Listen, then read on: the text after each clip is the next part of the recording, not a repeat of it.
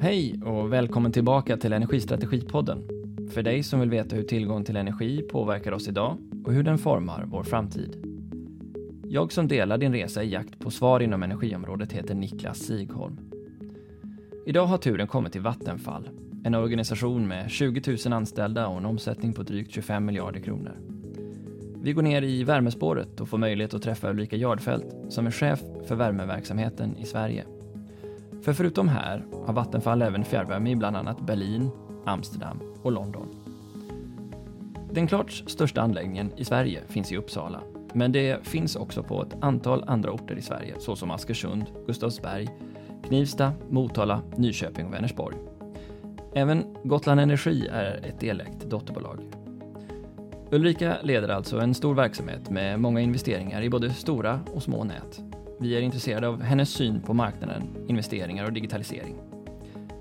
Jag ska också säga att vi har fått feedback på hur man kan ta till sig och förstå saker som sägs i podden. För det finns många begrepp att hålla koll på i den här branschen. Vill du veta mer om specifika frågor och vad det innebär så ber jag dig besöka www.sigholm.se academy. Där lägger vi upp vissa förklaringar till begrepp som har varit med i podden och annat material. Nu kör vi! Hej och, och eh, välkommen till Energistrategipodden Ulrika. Hej. Vad kul att ha dig här. Tack så mycket, kul att vara här. Och du är då eh, ansvarig för Business Unit Heat Sverige på Vattenfall. Ja, det stämmer. Kan du berätta, hur, hur hamnade du här? Vad är din bakgrund och vad har lett dig in till energibranschen? Ja, det är väl en, det är en liten eh, omständlig historia hur jag hamnade hit. Jag eh, var ganska tidigt redan när jag pluggade övertygad om att klimatfrågan var det som jag vill ägna mitt yrkesliv åt och liksom vår generations största utmaning. Och började som trainee på Vattenfall faktiskt för lite drygt 20 år sedan. Så var jag på Vattenfall fem år då, jobbade som internkonsult och men då var inte liksom klimatfrågan så stor eh, på den nivån jag befann mig i alla fall på Vattenfall på den tiden. Så jag kände att nej men eh, jag måste flytta mig vidare. Och då eh, valde jag att gå till och jobba för regeringen några år. Så jag jobbade på Energimyndigheten och Näringsdepartementet med klimatförhandlingar och under den tiden vi införde utsläppshandeln och elcertifikaten och det var jätterolig tid när man skulle lagstifta kring klimatfrågan. Sen eh, gick jag vidare och eh, ville prova någonting annat. Jag gick över till SABO som var de kommunala bostadsbolagens branschorganisation, så allmännyttan. Och upptäckte fjärrvärme, för det är det största för fastighetsägarna. Innan dess hade jag nog inte pratat så mycket om fjärrvärme men det blev ju tydligt att det är ju den stora frågan. Så då jobbade vi med energieffektivisering och eh, ja, eh, uppvärmning och klimatfrågan från eh, liksom, bostadsbolagens perspektiv. Och eh, jobbade väldigt mycket med att försöka få fjärrvärmebolagen att skärpa till sig helt enkelt. Så jag var, liksom, blev den stora förespråkaren för, för de kommunala bostadsbolagen gentemot fjärrvärmeföretagen. Och det slutade med att jag till slut sen gick över då till branschorganisationen. Så då var jag VD på Svensk Fjärrvärme i fem år. Och jobbade också med det uppdraget att hjälpa branschen att bli mer kundfokuserade. Eh, och det var fem också jätteroliga år liksom att jobba med strategier för fjärrvärmen och blev ju djupt övertygad om också fjärrvärmens nyckelroll i det framtida energisystemet eh, liksom, och att det här är en fantastisk möjlighet att, att göra någonting riktigt bra. Så som så många tror jag så blir man liksom lite fast när man eh, landar in i fjärrvärme.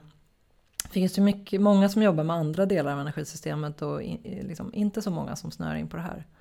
Eh, så det var jätteroligt. Eh, men kände väl också att det var roligt att prova efter fem år ha åkt runt och berättat för alla bolag vad de skulle göra.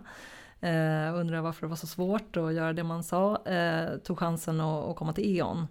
Så då var jag några år som ansvarig för fjärrvärmedistribution på E.ON i Sverige då. Och det var, och liksom lärde mig mer om liksom investeringsstyrning och ja, entreprenörer och hur man får en organisation och, och liksom gå i en viss riktning och sådär. Det var också jätteroligt. Men sen eh, för två år sedan då så fick jag chansen att komma tillbaka till Vattenfall.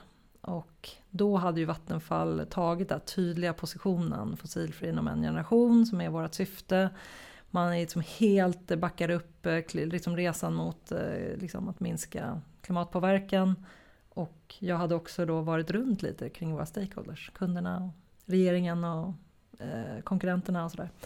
Men det här måste ju betyda att du var ganska tidigt ute i det här med klimatfrågan. För jag menar på, den var ju inte jättestor på var, var 90-00-talet? Eh. Nej, nej, det var verkligen, det är ju jätteintressant. Jag träffar ju några av de här fortfarande. Vi, var, vi hade liksom en klubb, eller vad man ska säga, vi käkade middag en gång i månaden. Så här, vi under 30 som bryr oss om klimatfrågan ungefär. Och vi var väl så här 40 bara för att säga att det var inte fler då. Det här var ju precis i början på, på 2000-talet. Och det var jätteroligt. Det var någon som jobbade på en bank och någon jobbade på regeringen och någon jobbade på olika ställen. Och så bara träffades vi och liksom försökte uppmuntra varandra om att det här var det rätta att göra. Så då var det, det var osynligt för de allra flesta skulle jag säga. Men eh, också en jättespännande utmaning naturligtvis. Och nu när du har efter de här, alla de här åren i energibranschen hur har din position förflyttats eller förändrats någonting i hur du ser på hållbarhets och klimatfrågan?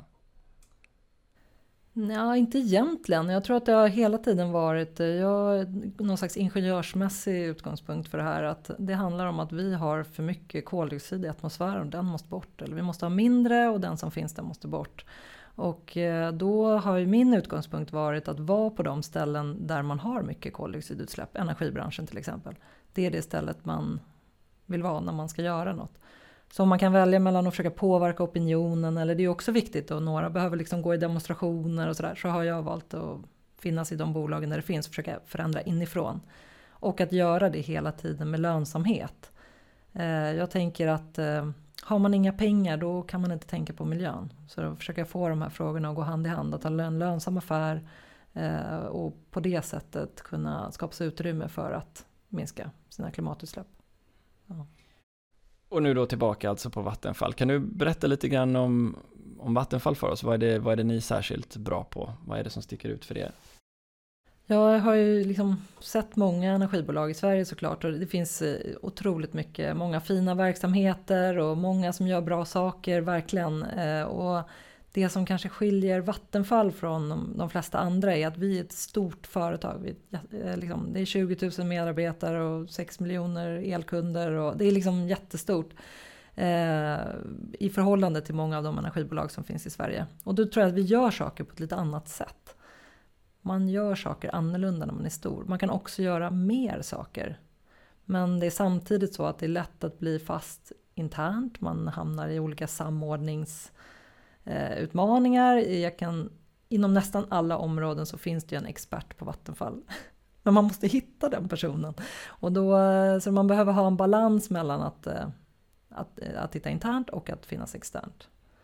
Så det blir typiskt så i stora företag att man blir liksom, ja, jag som innan var mycket runt i branschen har ju liksom, träffar ju inte så många längre.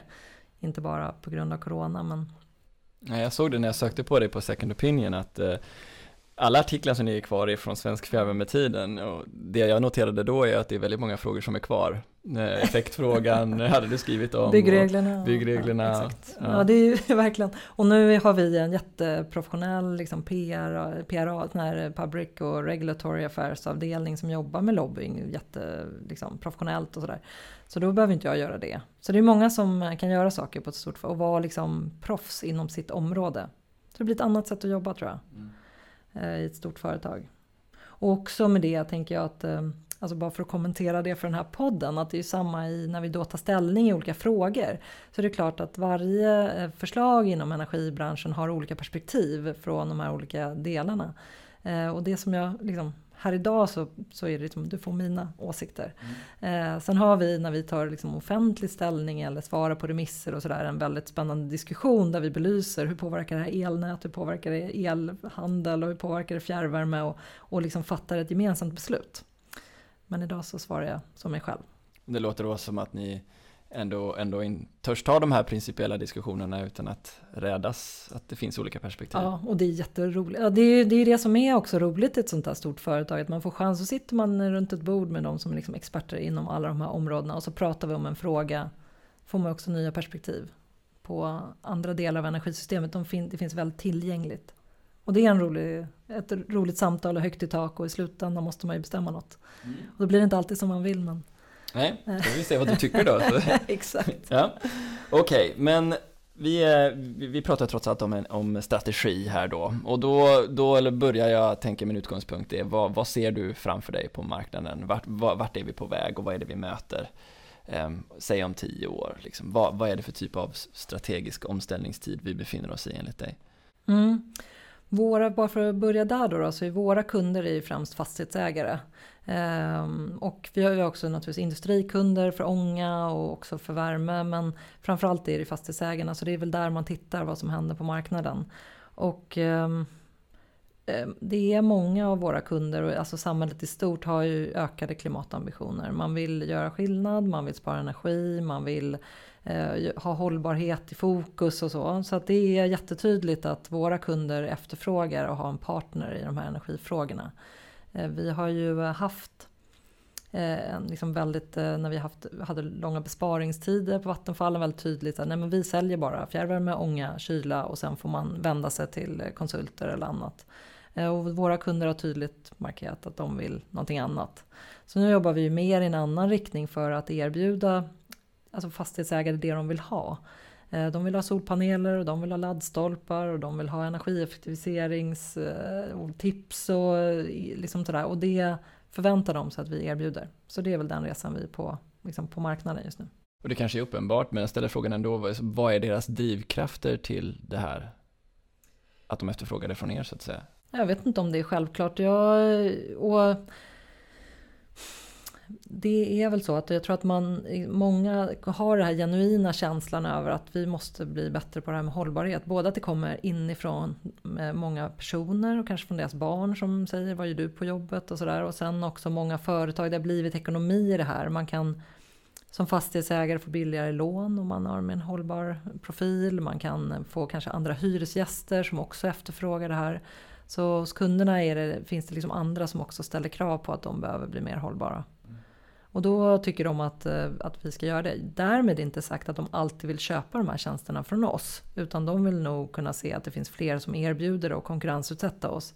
Men de vill också att vi erbjuder det här. Okej, okay. um, och om vi då blickar till era förmågor att möta upp de utvecklingarna. Vad, vad är det för typer av förmågor som ni tittar på att behöva förändra eller bygga för att eh, nå den här förändrade marknadsbilden? Ja, vi har jobbat ganska aktivt de senaste, de senaste åren får man väl säga med att just bygga upp det här med, eh, med värmepumpar, solpaneler, laddstolpar, allt det och kunna erbjuda det.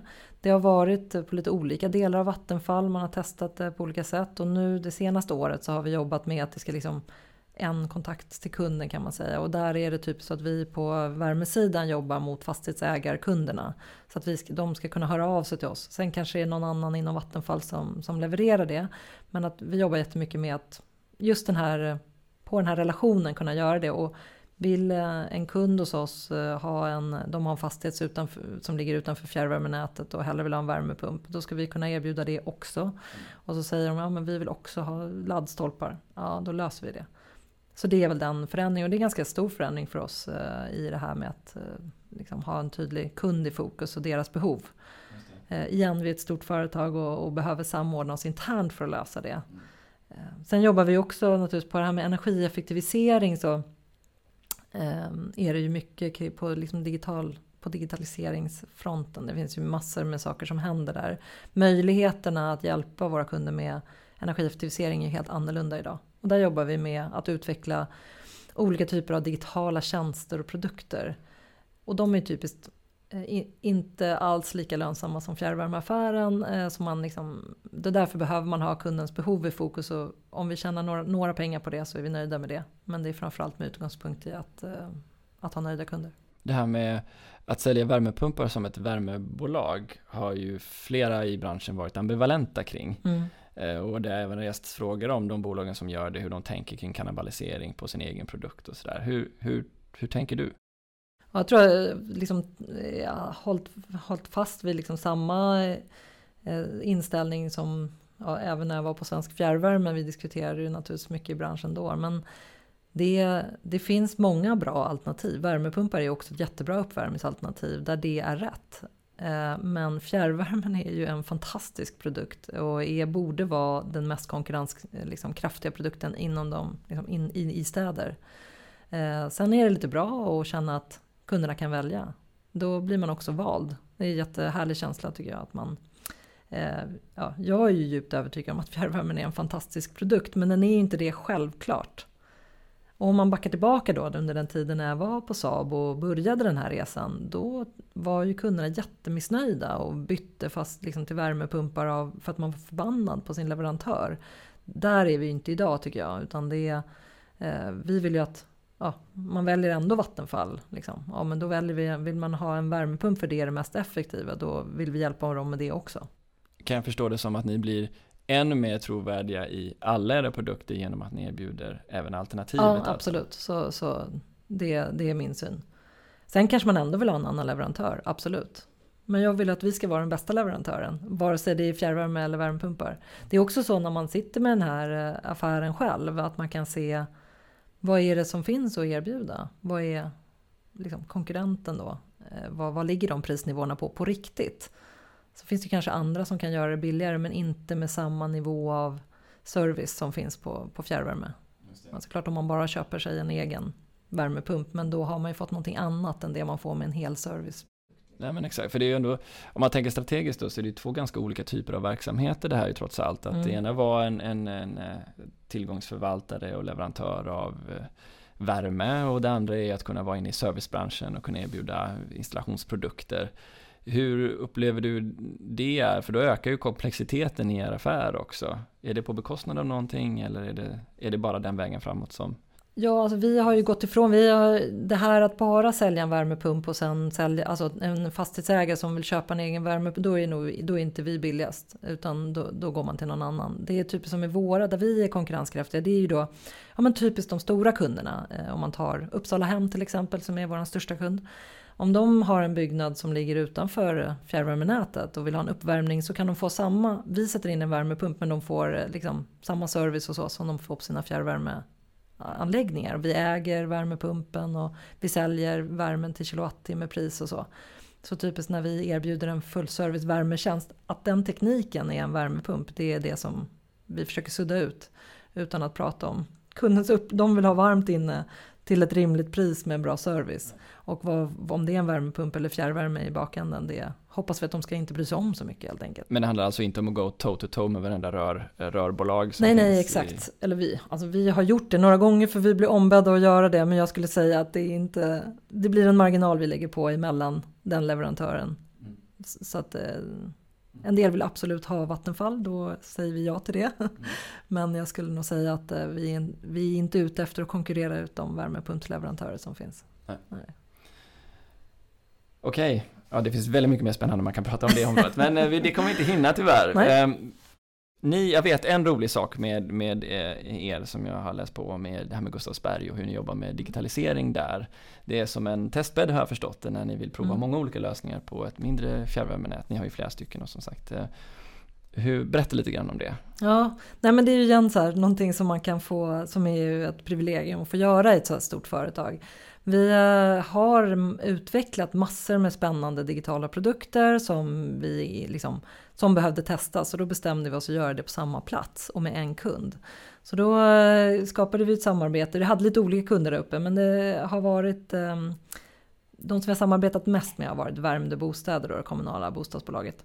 Och då har vi eh, testat olika, till exempel Styrning av eh, olika typer av styrning av byggnader. Eh, där, antingen där vi styr undercentralen, det är ju ett sätt att göra det på. Eh, vi har också testat där hyresgästerna får styra sin egen temperatur med en app. Vi har testat eh, också visualisera nätet, hur ser det ut eh, liksom med temperaturutbredning. Vi har testat ehm, också en sån här digital servicetekniker där man ser hur undercentralen fungerar och skickar larm och sådär. Alla de här är ju produkter som vi tror kan vara intressanta för andra delar. Men eh, vi har testat dem i Gustavsberg och då betalar inte Värmdö Bostäder någonting utan det är de betalar med. Så det är därför de tycker det här är roligt. De får eh, massor med spänstiga, eller vad ska jag säga, intressanta digitala lösningar eh, utan att behöva betala någonting annat än att de pratar med sina hyresgäster och de ger oss feedback över vad som vad funkar och vad som inte funkar. Så vi kan utveckla våra produkter tillsammans med en kund. Och äh, det är jätteroligt. Eh, och där kan man ju se vad som funkar och inte funkar helt enkelt. Ja, just det.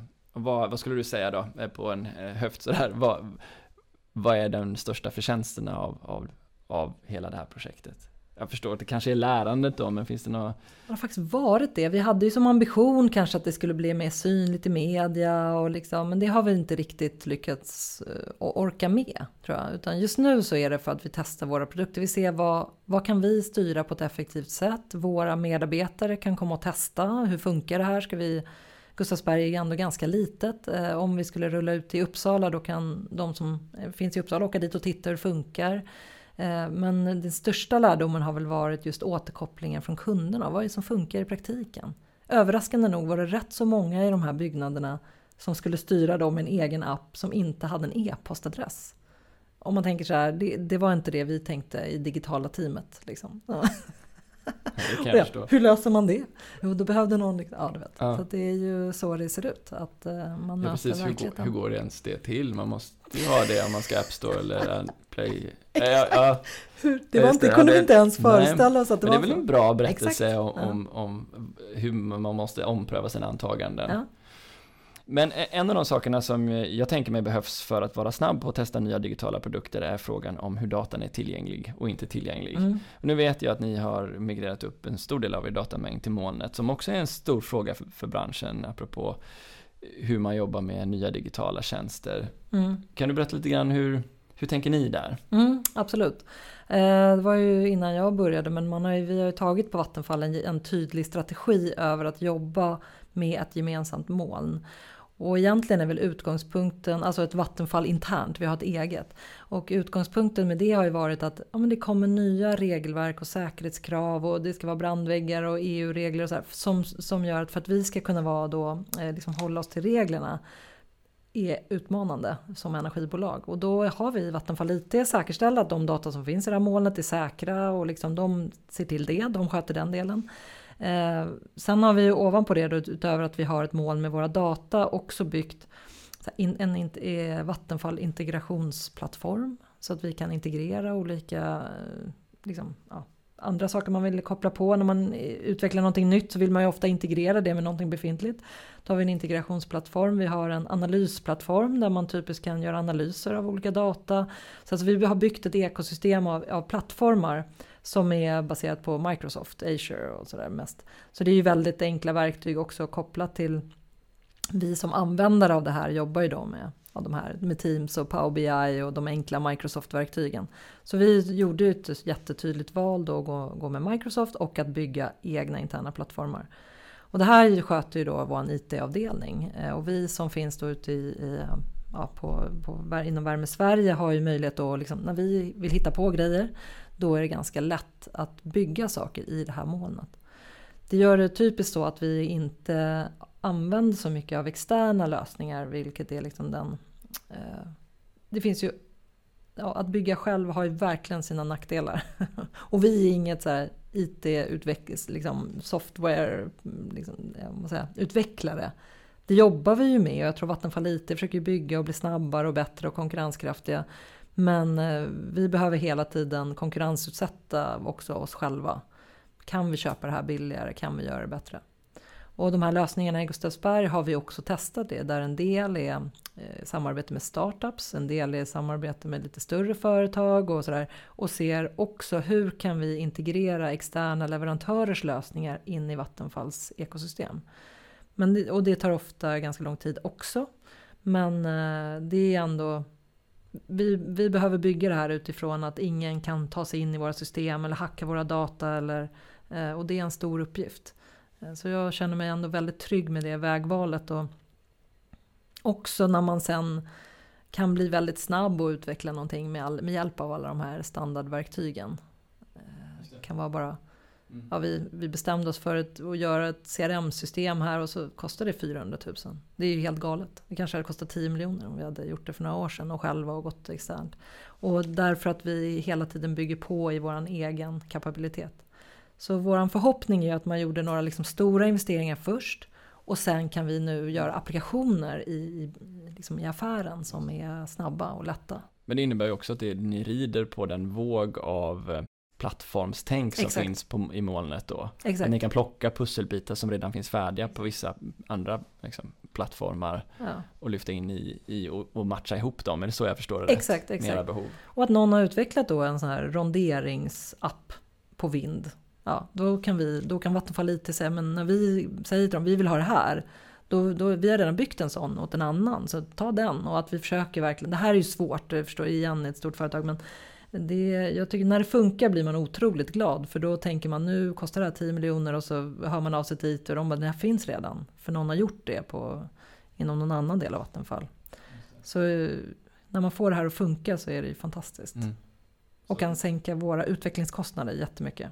Eh, Och det är väl dit också man ser att digitaliseringen är på väg. Att det är, dels verkar det vara nätverken inom Vattenfall då, som är en Mm. viktig framgångsfaktor för det, men också nätverken med vad som finns på marknaden och kunna lyfta in det Exakt. när det, när det passar. Ja, för det gör vi ibland. Och då får de ju finna sig att rätta sig efter de standarder och krav som vi ställer.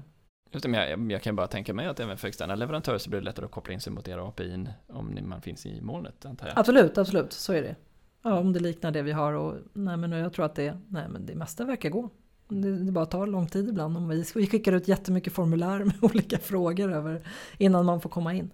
Men jag känner mig också som, eh, eftersom jag sitter, vi, det är så mycket inom digitalisering så man t- har en känsla ibland över att tappa kontrollen. Och det är det som typiskt händer när man eh, har byggt in sig i någon liten extern leverantör och så går de omkull. Och då är det ju många frågor som inte får finnas där. Och då är det typiskt, vi måste kunna skicka våra fakturer och allting kopplat till mätvärden och så är ju eh, en stor risk. För plötsligt om det sitter en liten aktör någonstans mitt i det här och de slutar eller gör något annat eller går i konkurs. Och så kan vi inte skicka fakturer, det går inte. Så det är därför eh, vid andra saker när man testar lite mer som inte är så nära kärnan, ja då kanske vi kan våga prova lite mindre aktörer. Som de här tjänsterna i lägenheter och så. Om vi, det skulle inte funka perfekt varje dag så kan vi hantera det. Men andra saker håller vi nära.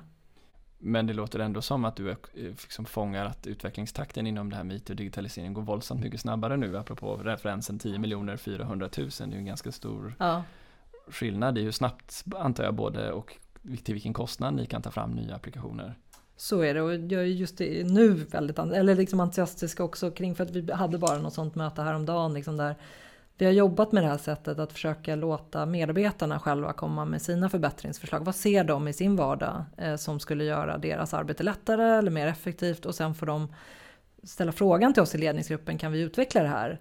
Eh, och att jobba med det här har ju varit en jag tror att hos oss har det innan varit det, alla IT kom från liksom, utvecklingsinitiativ kommer från IT-avdelningen eller från ledningen och så ska man trycka ut det och så tycker alla att det är jobbigt och man har hittat på något jobbigt och sådär.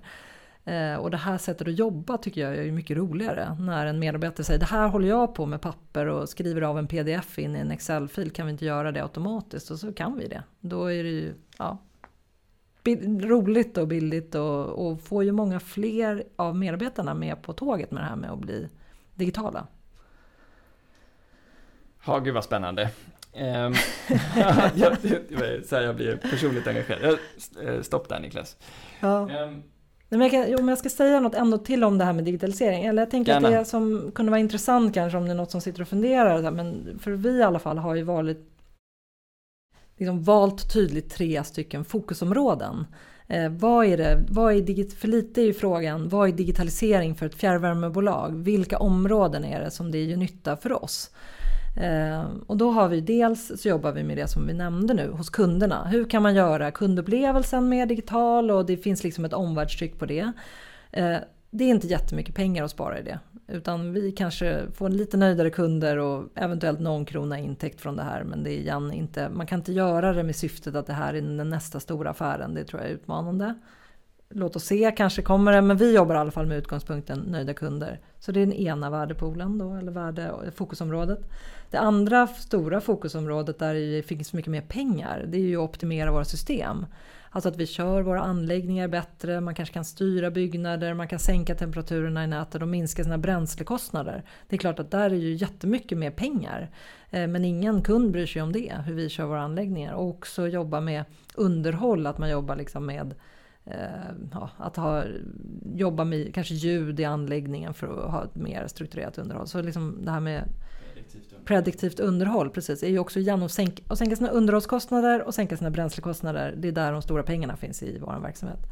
Så det är naturligtvis ett viktigt fokusområde. Ni jobbar på samma sätt inom båda dem? Eller? Nej, det är väldigt olika. Det är därför det här underifrån att det sitter någon enskild medarbetare och hittar på någon rolig liten grej som gör deras jobb lättare. Nej, det händer inte riktigt där. Då måste man jobba mer över hela sin, eh, liksom, via sina affärssystem och så. Men för det tredje området där det är typiskt det, det är ju det här med liksom en digital arbetsplats.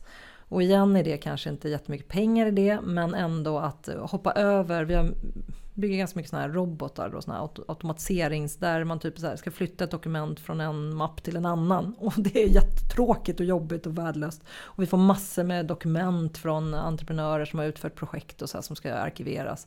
Att låta en dator göra det jobbet, det skapar ändå trivsel och vi tror att vi kan rekrytera medarbetare på ett annat sätt när vi inte har den typen av arbetsuppgifter kvar. Så det är liksom en, en digital arbetsplats eh, och att vi jobbar då med det här i liksom, digitala kundupplevelsen och, och, men också jobbar naturligtvis med eh, liksom, datadriven drift och underhåll.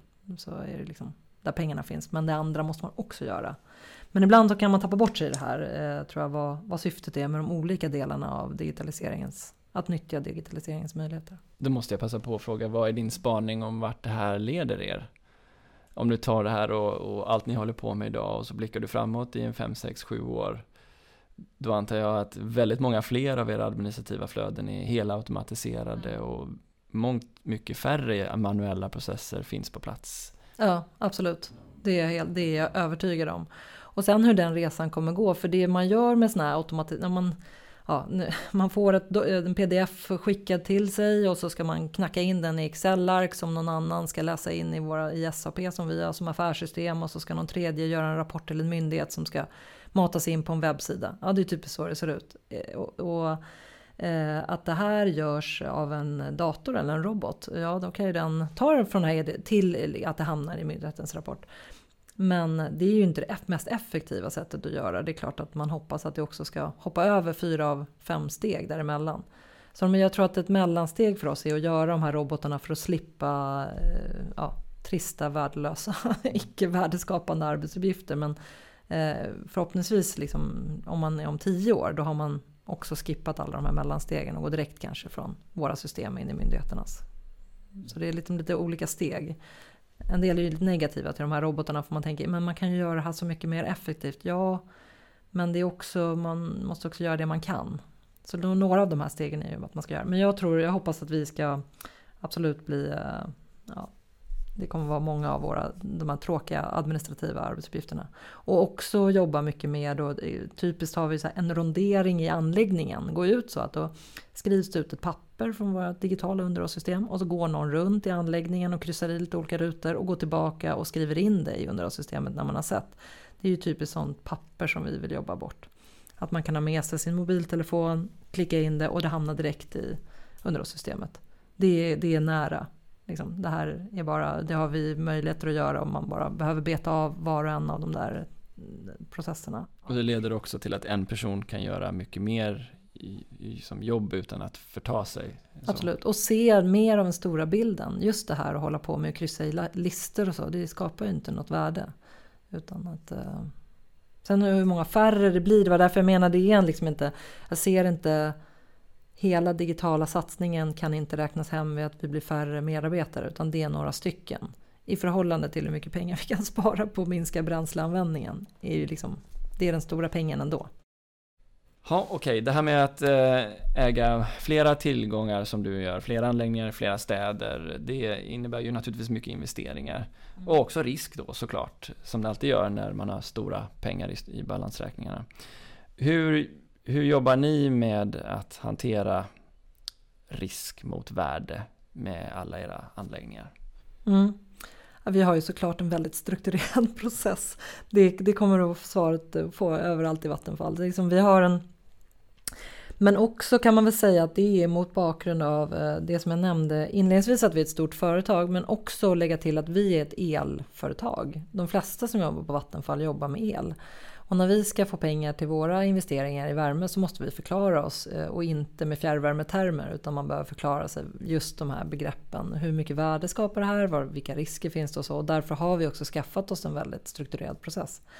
Så vi har ju egentligen, det är liksom organisationsmässigt så att Centralt så sitter det de som liksom håller balansräkningen under kontroll och vilka pengar och hur man finansierar och lånar och vilka räntor och så internräntor och så behöver vi jobba mot för att klara hela Vattenfalls balansräkning. För att kunna väga investeringar i vind mot investeringar i kärnkraft mot investeringar i värme och sådär. hur gör pengarna bäst nytta internt? Så det sitter man en liksom central grupp och jobbar med själva portföljhanteringen. Sen har vi inom vår division värme då, så har vi också en stödfunktion som heter Asset Management. Eh, och de jobb, där jobbar vi typiskt med att vi jobbar med så långsiktiga anläggningsutvecklingsplaner. Så för varje ort eh, som vi har fjärrvärme på, där har vi 30-årsplaner som eh, innehåller alla liksom, näten och alla produktionsanläggningar.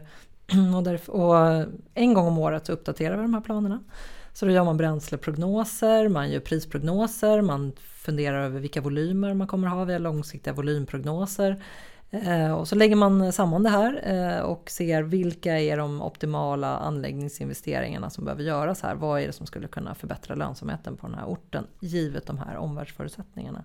Och de här planerna är, ganska, de är en stor nyckel för oss Också för att skapa transparens i organisationen så att de som underhåller den här anläggningen kan ha information om vad ledningen tänker sig. När ska vi bygga en ny panna? Hur länge ska den här hålla? Ska vi underhålla den några år till? När behöver vi söka tillstånd för en ny anläggning? och Så, där.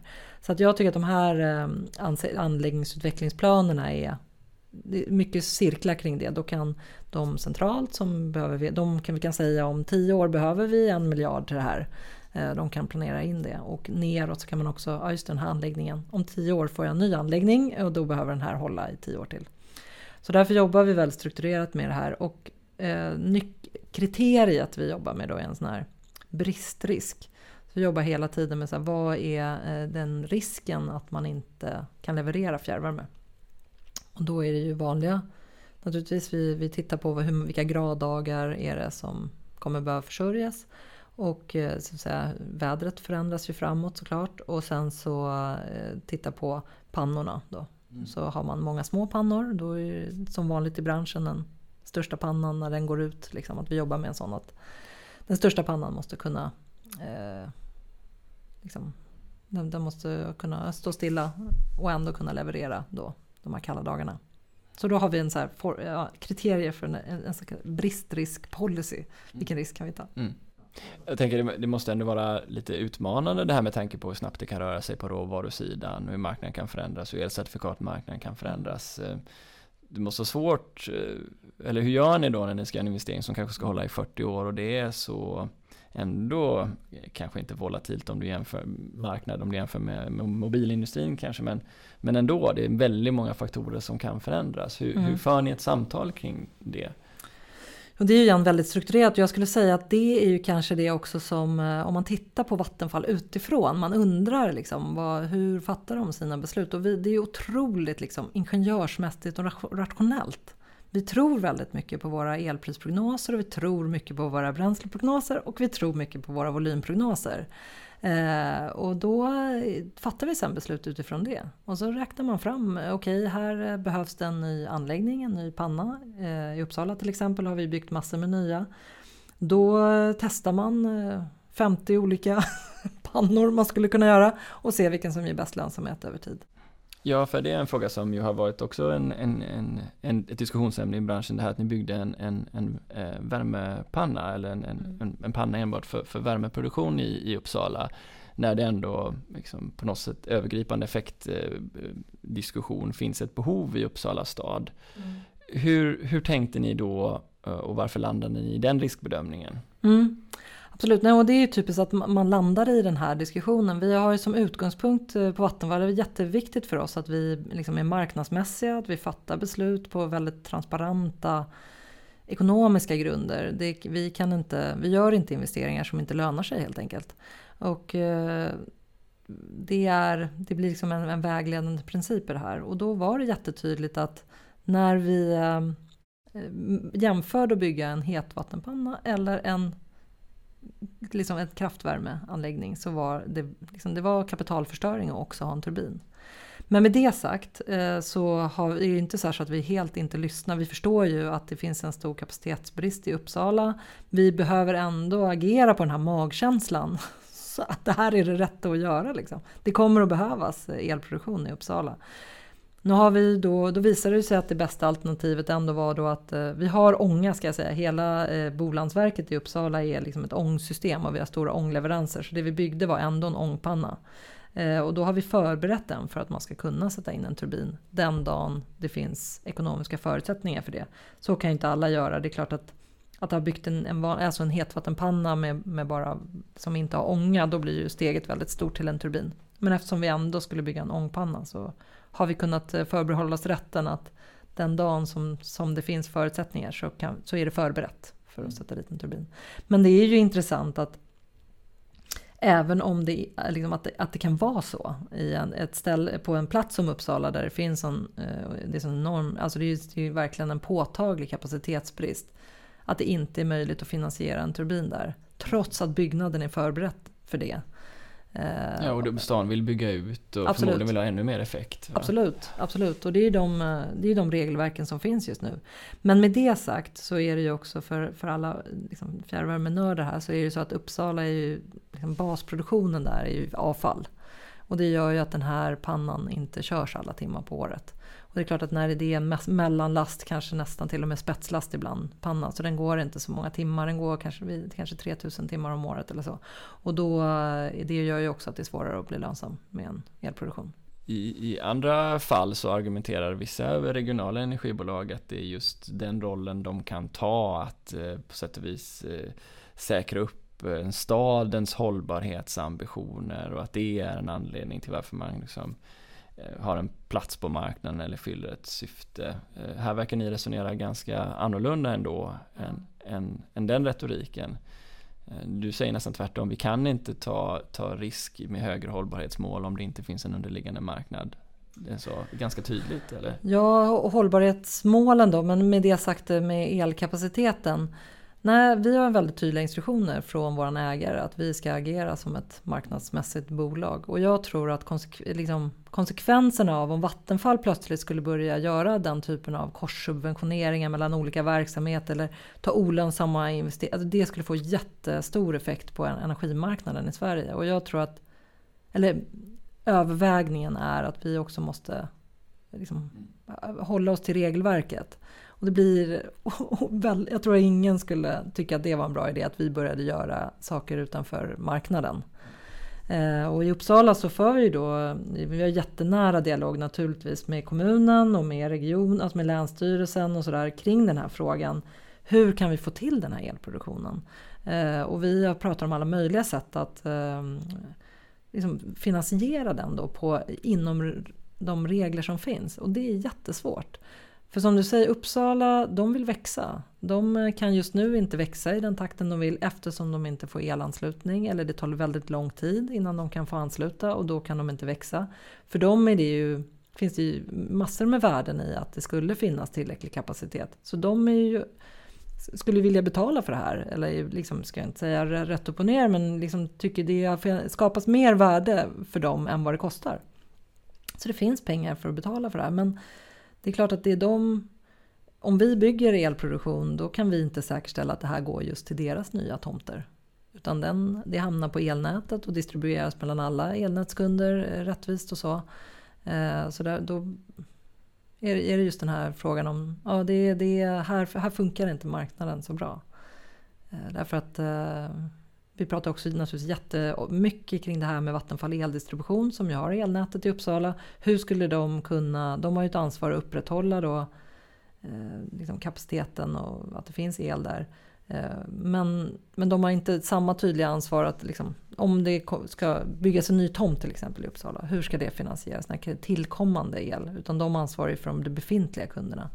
Så det här är ett område som vi, vi för diskussioner med regeringen och med eldistribution och med regionen och sådär. Hur kan man inom det regelverket som finns finansiera den här produktionen som helt uppenbart är efterfrågad.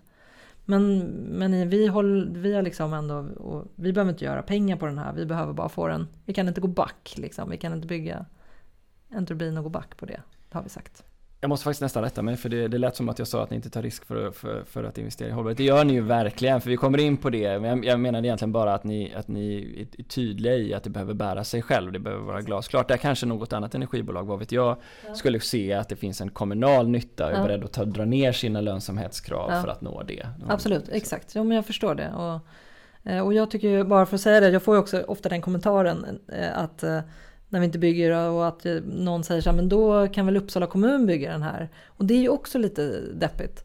För vi tror ju ändå så här, om någon ska bygga den så borde det vara vi. Vi kan göra den antagligen mest effektivt och billigast och bäst och vi kan sköta den och drifta den och se till att det funkar perfekt och sådär. Om bara någon kunde betala oss för det. Det blir inte billigare för att kommunen gör det. Liksom. Finns, finns det något regelverk här du, du hoppas på? Vi har ju hört här från tidigare i podden att det här med kapacitetsmarknaden är ju ingenting som är förenligt med EU-rätt och så vidare. Men, men det är flera som lyfter upp, liksom av politikerna i alla fall, möjligheten till ja, men bilaterala avtal och att den typen av liksom, säkerställande av tillgång till roterande massa i städer ska vara möjlig i framtiden på något sätt. Men man vet inte riktigt hur. Är, är, är, kämpar ni för något sådant eller hur tänker ni? Eller avvaktar ni och ser hur det blir? Eller hur? Alltså vi har, också, vi har ju fört fram det till regeringen också, eftersom, tillsammans också med Uppsala kommun då, då att de exempelvis om vi skulle kunna få bygga någonting dedikerat till dem så skulle det bli en annan situation. Och det är ju väldigt svårt. Det är de här bilaterala avtalen som du nämner. Och, ja, vad skulle hända på marknaden då? Jag tror alla de här avstegen som görs nu steg för steg liksom bryter ner det vi har. Och att gö göra det under, jag tror, göra det under ordnade former skulle vara mycket bättre. Att man hade, eh, liksom, fick ett sammanhållet regelverk och inte gjorde upp vid sidan av marknaden eh, i några enskilda avtal. Ja, det, det känns knepigt. Men inte, jag skulle inte säga omöjligt, men vi måste också göra det som är möjligt. Mm. Men vi gör det i samråd med, med, med eh, både regeringen och myndigheten naturligtvis och eldistribution och alla som är aktörer här. Att vi gör det här liksom, mm. transparent och inte bakom stängda dörrar. Liksom. Det är viktigt för oss på Vattenfall att allt som vi gör här är öppet. Liksom. Skulle du säga att du tror att ni driver, ni driver investeringar för samhällsnytta mindre genom att ni har den här tanken om att ni ska ha eh, investeringar som bär sig? Alltså jag tycker att det är en svår fråga att svara på. Jag är ändå en liksom, anhängare av marknaden. Jag tror att, är, att marknadens villkor är viktiga. Jag tror att det det blir stora konsekvenser om man börjar liksom göra upp småsaker och inte kanske mest hållbara investeringar. Vad är det? Jag tror att det är bättre att ha ett regelverk som ger alla för, samma förutsättningar att investera i hållbart än att en enskild investering kom på plats. Eh, en sak om det här med asset management som vi lite grann har sprungit eh, vidare från här men som jag ändå vill, eh, vill höra lite om det är att du nämner flera olika funktioner i bolaget Vattenfall som är med i det här. Det låter som en väldigt tvärfunktionell process. Mm. Hur får ni det att fungera när det är så många olika kompetenser som behöver finnas på plats för att kunna fatta ett balanserat beslut? Mm, ja, vi har en väldigt tydlig investeringsprocess med som många, jag tror många i branschen kanske har jobbat på Vattenfall också som man har Eh, jobbat med den här, vi kallar den för Vattenfalls projektmodell bara för att kalla den för något. Och där är det väldigt tydligt vad som behöver, med de olika liksom, Tollgate-besluten, vad som behöver finnas på plats och vilka aktörer internt som behöver ha satt liksom, sin, sitt okej okay på det. Och när man, eh, liksom, hur mycket behöver vara upphandlat och hur mycket behöver, så att man drar här är eh, liksom att man, det har genomförts tusentals, säkert tiotusentals av de mm, projekt inom Vattenfall och så försöker man då ha en process där man återför lärdomar hela tiden till vad, vilka delar är det som, som skapar stora risker och små risker och sådär. Så då förhåller man sig till det och så har man, eh, och det gör det väldigt transparent att inköp till exempel och de kommer in efter Tollgate 2 och liksom, då har man en upphandlingsplan och så har man handlat upp avtal och då kommer man in i investeringsbesluten och så. Så det är, mång, det är väldigt eh, tvärfunktionellt och en väldigt strukturerad process som, som gör det möjligt för många att delta. Mm. Jag ställer också frågan, men jag tänker att varje tvärfunktionell process nere som går rakt inom linjen blir ju en, en komplexitet i organisationen också. Absolut, Nej, men och det här är ju, det, det är klart. Men, men därmed det också så vi, ja men när, hur stora projekt behöver vi ha en riskavdelning? När behöver de gå in och se och sådär. Så det finns då kriterier att förhålla sig till. Ni har ju idag eh, en, en, en stor, ett eh, stort område i Uppsala som är en av Sveriges största städer och ett antal mindre städer runt om i Sverige. Vad har ni för eh, tankar och idéer? Kan ni tänka er att växa inom, inom fjärrvärme? Eller hur ser ni, hur ser ni på er position på marknaden idag och framåt? Mm, nej, men vi kan absolut uh, tänka oss att växa. Vi tror att vi, uh, alltså, ja vi har ju Uppsala, alltså, vi, tror, vi tror att vi är bra på det som vi gör och att vi har någonting att erbjuda med det. Um, det som vi, för vi har ju testat både, delvis så har vi då de här eh, porterna där vi är helägda. Eh, sen är vi också, äger vi några, två stycken eh, Gotlands Energi och eh, Västerbergslagens Energi äger vi tillsammans då med eh, de kommunala representanterna. Så Västerbergslagen äger vi tillsammans med Ludvika kommun och Fagersta kommun. Och Gotlands Energi då med, med Gotlands region. Och det är också ett spännande upplägg tycker jag. Det är, man kanske inte kan fullt ut dra nytta av alla de här som jag beskrev, de här interna processerna och eh, hela digitala plattformen och så. Det, det har vi inte liksom 100% lyckats göra än i de här företagen. Men det är också en väldigt, man får lite bästa av två världar. Eh, kommunen sitter med i styrelsen och de är ägare och vi har helt gemensamma intressen. Skapar ju en väldig förankring lokalt. Ibland kan där vi äger 100% att vi kan uppfattas som vi är långt borta. Vi måste lägga mycket kraft också på att vara nära kommunen och prata med dem och sådär. Men att det ändå är skillnad när de är med och äger. För att eh, det är väl det som i sådana fall jag ser som den möjliga vägen framåt. Eh, just nu är vad liksom, kapitalet i världen kan tänkas att betala för svensk fjärrvärmeverksamhet är mycket mer än vad vi tror att vi kan skapa värde. Eh, så att, att köpa med australiensiskt pensionskapital, så, alltså vi kan inte konkurrera med de priserna. Men eh, för de som inte vill sälja utan vill ha med en industriell aktör, man kanske söker en stabil partner eller man eh, vill dra nytta av det som vi kan med det här med effektivitet och så. Så då, det tror jag mer skulle vara en modell för oss. Mm. Ja, vi har ju hört i, i podden tidigare hur, hur den andra sidan av, av svaret, att vi, när de inte är ett stort bolag och vilka utmaningar man har då, där man kanske inte har en stab. Eh, hur ser du på, på liksom branschens, vad tror du om branschens utveckling där inom fjärrvärme? Tror du på en ökad konsolidering på grund av eh, hur marknaden ser ut eller tror du att det går att behålla de mindre spelarna i branschen också? Vad är din spaning?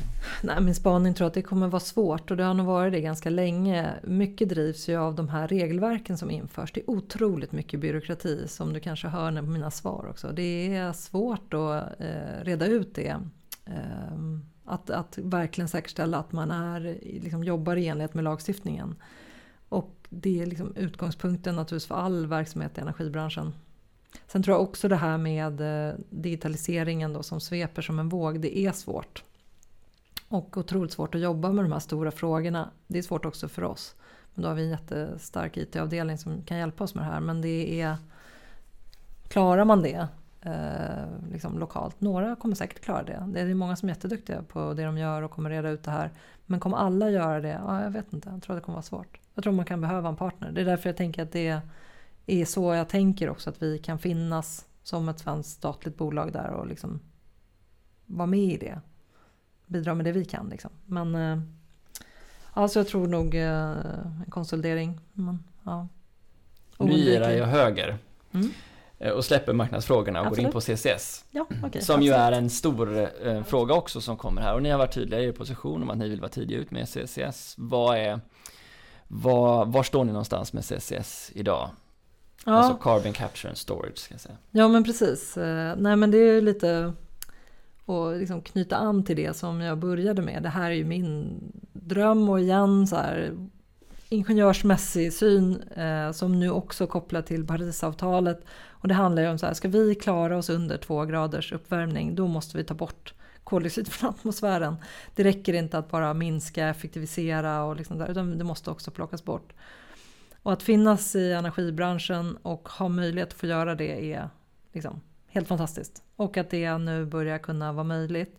Ehm, men då var det också, bara för att berätta en liten historia om det, eller hur det kom till mig då, så tänker jag när jag började Vattenfall för två år sedan så var jag liksom, det här måste jag göra. För att eh, det här var ju min mission sedan 20 år, att vi måste bidra till att liksom ha negativa utsläpp. Det var ju fantastiskt. Och så ska försöka övertyga folk här internt på Vattenfall tänker man att det ska vara svårt för nästan ingen vet ju vad det är eller visste vad det var då i alla fall för två år sedan. Men sen så eh, skickade ut lite mejl och kallade lite olika delar av Vattenfall till något möte för att se, eh, kan vi inte göra det här? Vore inte det här något, något för oss? Och börjar det här mötet med att förklara vad det är för någonting och tekniken och sådär. Och alla bara, ah, okej, okay, det är okej, okay. du, jag tror att du kan eh, hejda det där liksom. För att eh, då visade det sig att alla de, jag tror det var fem eller sex personer i rummet, hade själva jobbat med CCS i något av de projekten vi har haft på Vattenfall. Och det här är ju så typiskt, liksom. och då sitter de, de gör helt andra saker idag. Men de är några av Sveriges liksom, ledande kunskaps liksom, källor inom det här området. Alla bara, ja ja men det där har vi ju testat, nej men den här tekniken funkar inte så bra för det gjorde vi ju i det projektet och sådär. Vi har inom Vattenfall genomfört tror jag, sju, sex eller sju CCS-projekt där vi har fångat in koldioxid. Och det har varit kopplat till gas och det har varit kopplat till kol och visst liksom. Och då flög det liksom inte när det var med fossila bränslen och då la vi ner allt det på Vattenfall. Så ingen har ju jobbat med det länge. Men nu när man kan få göra det med biobränslen och få negativa utsläpp då liksom kan vi nyttja all den här kunskapen. Så det gick ju otroligt fort från idé till att jag bad eh, vår forskningsavdelning om så här, hur skulle det se ut på någon av våra biobränsleanläggningar? Så två veckor senare hade jag en powerpoint med alla data. Hur det skulle integreras i våra pannor och sådär. Eh, så det har varit en fantastisk eh, resa. Eh, och nu har vi ju då det vi, det vi har gjort är också att skaffa oss mer kunskap framförallt kopplat till vår avfallsanläggning i Uppsala. Där vi har haft ett forskningsprojekt under våren och tittat på alla tekniska data och så. Och eh, tycker att det ser bra ut. Så nu skickar vi in en ansökan till då, eh, Innovationsfonden på EU, inom EU för att få bygga en, sån här bio, en infångningsanläggning i, i Uppsala. Då. Till er avfallspanna? Till vår avfallspanna. Ah. Men med det sagt så har vi också lagt in i det, den ansökan så vi har, vi har en gemensam, det är samma skorsten, det är fyra piper med samma skorsten med våra biobränsleanläggningar och våra avfallsanläggningar. Och det här kommer ju eh, optimeras då igen i den här investeringsberäkningsprocessen eh, med hur de olika stöden ser ut och vad, kund, vad eventuella kunder är beredda att betala. Vad är det viktigaste för marknaden, marknadsutvecklingen av CCS som du ser det? Ehm, vi, jag skulle säga att tekniken är ju som jag, som jag nämnde, den är känd. Eh, den är beprövad och den är känd och liksom själva infångningen. Så det ser vi inte som ett stort problem. Vi tror att vi kan handla upp entreprenörer som kan bygga det här åt oss. Eh, så att själva infångningen känner vi oss jättetrygga med. Det som ännu inte finns på plats är ju där man ska lagra det. Så det vi gör mycket på Vattenfall är såklart att titta på hur kan man använda den infångade koldioxiden. Men om man då vill göra CCS, då, sequestration, alltså lagring av den här infångade koldioxiden, då behöver det finnas lagringsplatser. Eh, det, har vi, det finns det inte liksom riktigt utvecklad affär för, det är inte bara att handla upp det. Men eh, jag såg ju här också bara för någon vecka sedan att norska regeringen tänker sig spendera 26 miljarder, 26 miljarder mm. för att få det att hända. Mm. Så det kändes ju väldigt troligt. Ja, eller var det 24? Vilket fall Ja, men det var jättemycket pengar, pengar ja. från sin oljefond och, och då tänker jag så här, men okej, det finns i Norge, det finns, vi kommer också kunna antagligen, det finns många andra aktörer, ska jag säga. Vi har också dialog med, med tiotal aktörer som utvecklar sådana här lagringsplatser, men, men det här norska verkar ju vara de som kanske kommer vara först klara. Eh, så i ena änden är det själva lagringen och i andra änden såklart, vem betalar för det här? För det behöver man ju reda ut, någon behöver finansiera det. Och eh, just nu känns det väldigt positivt och regeringen, till att börja med, att regeringen kan gå in och betala. Eh, det är väl det som har föreslagits i den här utredningen. Eh, att det ska vara en omvänd aktion där svenska staten ska köpa då negativa utsläpp. Mm. Och det gjorde ju igen att vi kunde bli mycket snabbare. För vi, var lite, vi har tänkt så här, men tekniken behöver vi inte titta på egentligen för det vi vet redan. Det tog som sagt två veckor så vet vi ungefär vad vi, vilken anläggning vi ska bygga. Men att jobba fram avtal med lagring och jobba fram en, en intäktssida som eh, liksom gör, gör, att den här investeringen kan bli positiv. Och på lång sikt så, eh, säg att regeringen går in och, och gör det här nu, men på lång sikt måste det finnas någon form av koldioxidpris då på marknaden generellt sett, antar jag ni tänker? Eller? Ja, precis. Och vi tänker att den anläggningen i Uppsala då blir dels så, om, om vi gör på avfallsanläggningen där avfall har ett fossilt innehåll och man eh, har betalat utsläppsrätter för det så är en del av det ju naturligtvis att man slipper betala utsläppsrätter. Det kommer att finansiera lite grann. Sen eh, får man också från innovationsfonden, tror vi också kommer att finansiera en del av driften också. Och eh, sen behöver det också komma till någonting på en så här, ett, ett infångat och lagrat koldioxid ett pris på det. Och här är det ju klart, vi kommer inte fatta ett investeringsbeslut förrän det här är säkert att det kommer att finnas. Eh, men som världen rör sig just nu och ja, som, som jag är djupt övertygad om att vi måste göra någonting åt det här och då är det många andra aktörer som behöver göra saker. Men det kommer de att göra, det är jag övertygad om. Vad har ni för tänkt tidplan? Ja, vi, om man skickar in då en ansökan och får pengar, då är det inom fyra år som man måste ha driftstart. Eh, så det blev lite bråttom då, när vi såg att det här, för det vill vi ändå eh, ha chansen. Då, då får man ju stor, liksom, det blir mycket lättare att finansiera om man får det här stödet från EU. Eh, om vi inte får den här omgången, då kommer det att dröja lite till, för då måste vi hitta mer finansiering. Men vi, som sagt, det är en anläggningen vi skickar in vår ansökan på. Den, vi vet att den får plats, vi vet vart den ska stå, vi vet hur man ska bygga, vi vet vem som ska leverera lösningarna. Och vi, eh, så den är ju väldigt eh, handfast, vi vet vilken hamn vi ska skeppa ut ifrån och vi har fått tillstånd att bygga där och sådär. Så att alla de här stora svåra frågorna är, eh, känns inte så svåra. Vi har jättestarkt stöd från Uppsala kommun som tycker det här är jättepositivt. Eh, vi har stöd från Östhammars kommun där hamnen ska ligga som tycker det här är positivt. Och lite är det ju så att när det vänder liksom, då, då är alla på banan samtidigt och det kan, man kan göra jättespännande saker.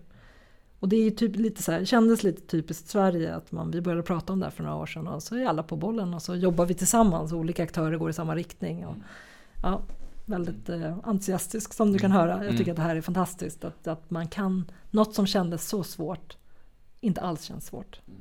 Inom Vattenfall finns ju även värme utomlands. Mm. Um, och har ni, för jag tänker, har ni samarbeten i sådana här frågor mellan länder också?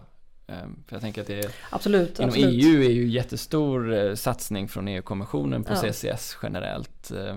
Och det här är teknik som vi kan vara väldigt snabbt ute med i världen. Mm. Hur klarar vi, min fråga är egentligen hur klarar vi av att exportera den här kunskapen? Finns det sådana tankar hos er också? Eh, jag ska säga att jag nämnde inte det inledningsvis men vi har ett väldigt nära samarbete med mina kollegor i, i Tyskland och Holland. Vi sitter i samma ledningsgrupp och vi jobbar faktiskt väldigt nära varandra. Jag känner mig ofta väldigt internationell i mitt liksom, arbete och det är inte bara, eh, ibland kan det vara långt ifrån andra länder men här, de har samma utmaningar som vi med sina drift och underhållsfrågor och IT och digitalisering och alla de frågorna. När det gäller bränslet så har de inte samma utmaningar, det är typiskt det som skiljer. Och här är det ju så att Vattenfall, vi har som syfte att vara liksom fossilfri inom en generation. Och det är i Sverige inte så stor utmaning men i Tyskland är det en jättestor utmaning och i Holland också.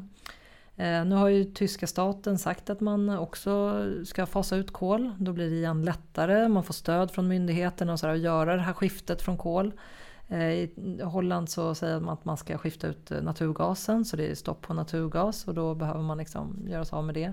För det är ju framförallt naturgas har det varit i Holland och kol då i, i Tyskland. Så där, visst, vi pratar också med, om CCS där och vi kan dela med oss av varandra. Men det blir ändå inte negativa utsläpp om man har fossila bränslen. Så där är absolut första fokus är att eh, fasa ut de fossila bränslena. Och det är stora omställningsprogram. Mm. Men igen, otroligt eh, inspirerande att få sitta med. Det är det vi pratar mest om i investeringarna. De stora investeringar som krävs för att bli av med kol. Och det är sådana enorma mm. växthusgasutsläpp som vi kan Ja, i en stor eh, minska. modul som Stanford släppte som heter En Road så visade det sig att värme för Europas del är en mm. av de absolut viktigaste faktorerna mm. för att påverka klimatomställningen. Mm.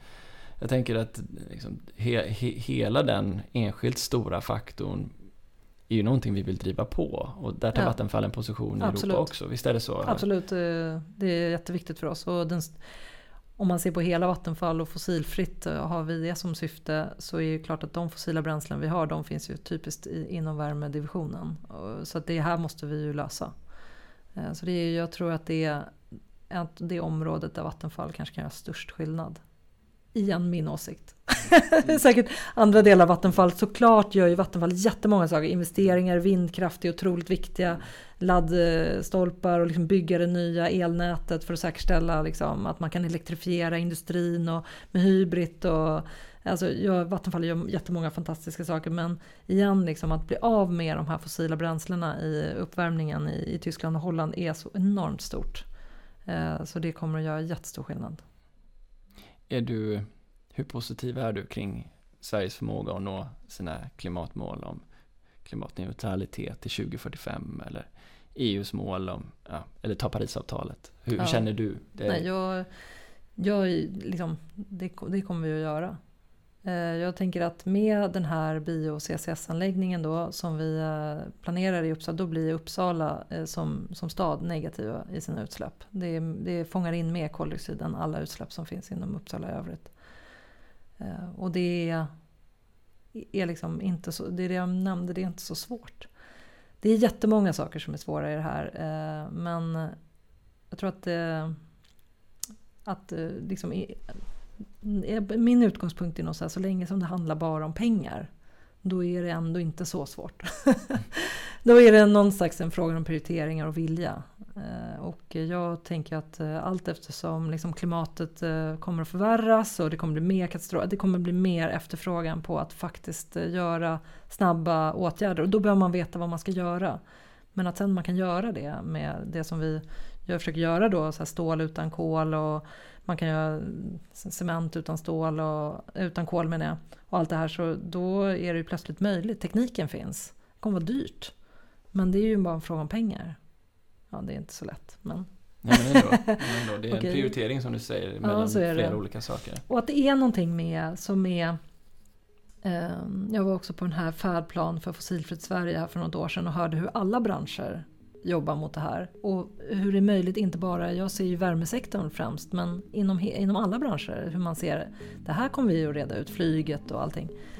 Eh, så känner man, jag ser en enorm optimism och blir lite ledsen över dem som inte ser det jag ser. Eh, för att det är en känsla över att ja, det är klart att alla måste bidra. Ingen kan göra det själv. Men man är heller inte ensam. Det är jättemånga som gör jättemycket saker och då skapar en känsla över att det här gör nu, måste vi, nu gör vi det här. Eh, igen. Eh, det där är jag. det var väl den bästa rekommendationen för unga att ta sig in i energibranschen och göra något meningsfullt. Absolut. Eh, som man kan tänka sig.